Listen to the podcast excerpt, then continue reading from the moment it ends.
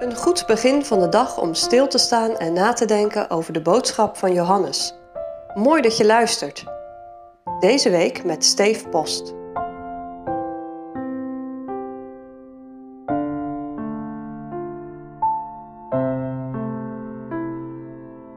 Misschien weet jij nog dat aan het begin van deze week de podcast begon met blijven in Christus.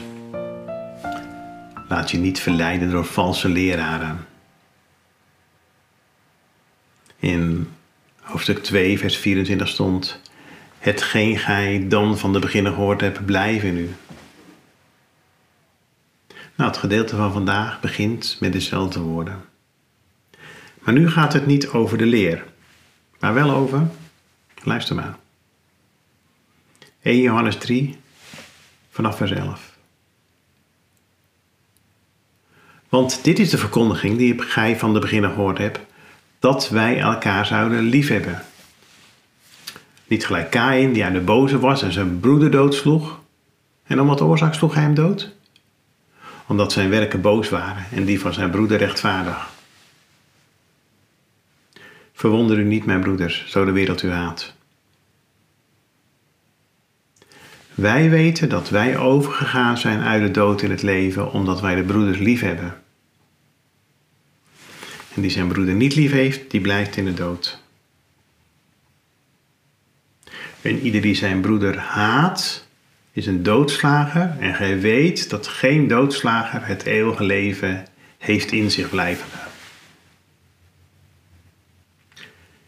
Hieraan hebben wij de liefde gekend dat Hij zijn leven voor ons gesteld heeft. En wij zijn schuldig voor de broeders het leven te stellen.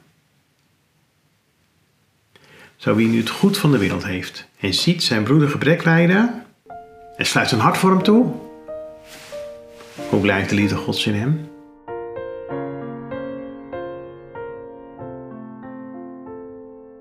Precies, deze versen gaan over het leven. Wat heb jij van de beginnen gehoord? De wet. God liefhebben boven alles en je naaste als jezelf. Dit is de verkondiging die gij van de beginnen gehoord hebt, dat wij elkaar zouden liefhebben.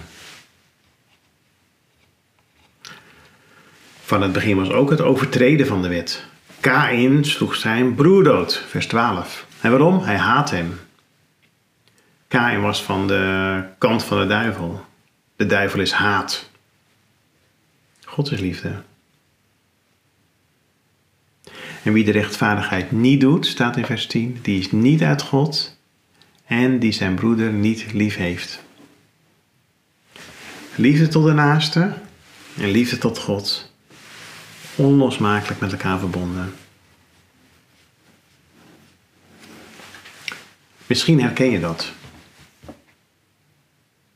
Want toen je de Heer lief kreeg, voelde je een liefde tot de naaste die je voorheen niet kende.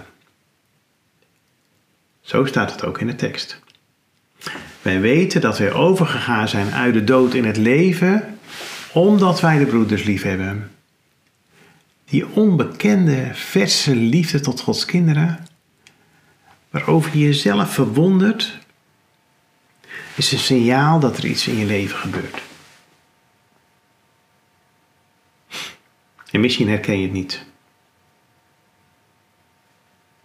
Je weet dat je geen nieuw hart hebt, maar, je hebt toch een goede relatie met mensen om je heen. Je hebt de naaste lief zonder dat de liefde tot God in je hart is ontbrand. Dat kan toch?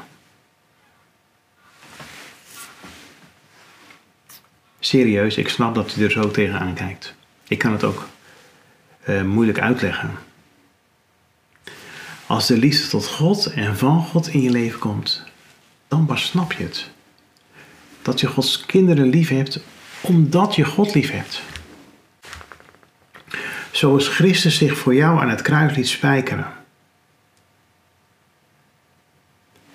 Luister maar naar vers 18. Hieraan hebben wij de liefde gekend, dat Hij zijn leven voor ons gesteld heeft. En wij zijn schuldig voor de broeders het leven te stellen. Als je weet dat het ware geluk ligt in Christus, dan wil je jezelf wel opofferen voor het geluk van de ander. Zo ligt het niet altijd. Ook Gods kinderen kunnen jaloers zijn. Of negatief over anderen denken, roddelen. Dat is zonde. Dat is erg. Dan leven ze zelf ook niet uit de bron. Maar wel als de liefde tot Christus levend is in je hart. Dan voel je een diepe band met een kind van God, ook al heeft hij een moeilijk karakter. Dan ben je verbonden in het hoofd Christus. En dan ga je ook je vriend ernstig waarschuwen. Ook al ben je misschien bang dat hij je daarna niet meer tof vindt. Dan wil je ook je carrière wel opofferen. Als die te veel ruimte neemt. En de christelijke opvoeding van je kinderen daardoor in de knel komt.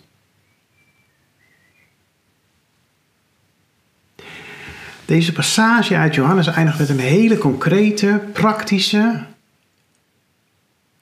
maar ook indringende vraag. Een retorische vraag. Een vraag die te maken heeft met je bankrekening. Zo wie nu het goed van de wereld heeft en ziet zijn broeder gebrek lijden en sluit zijn hart voor hem toe. Hoe blijft de liefde Gods in hem?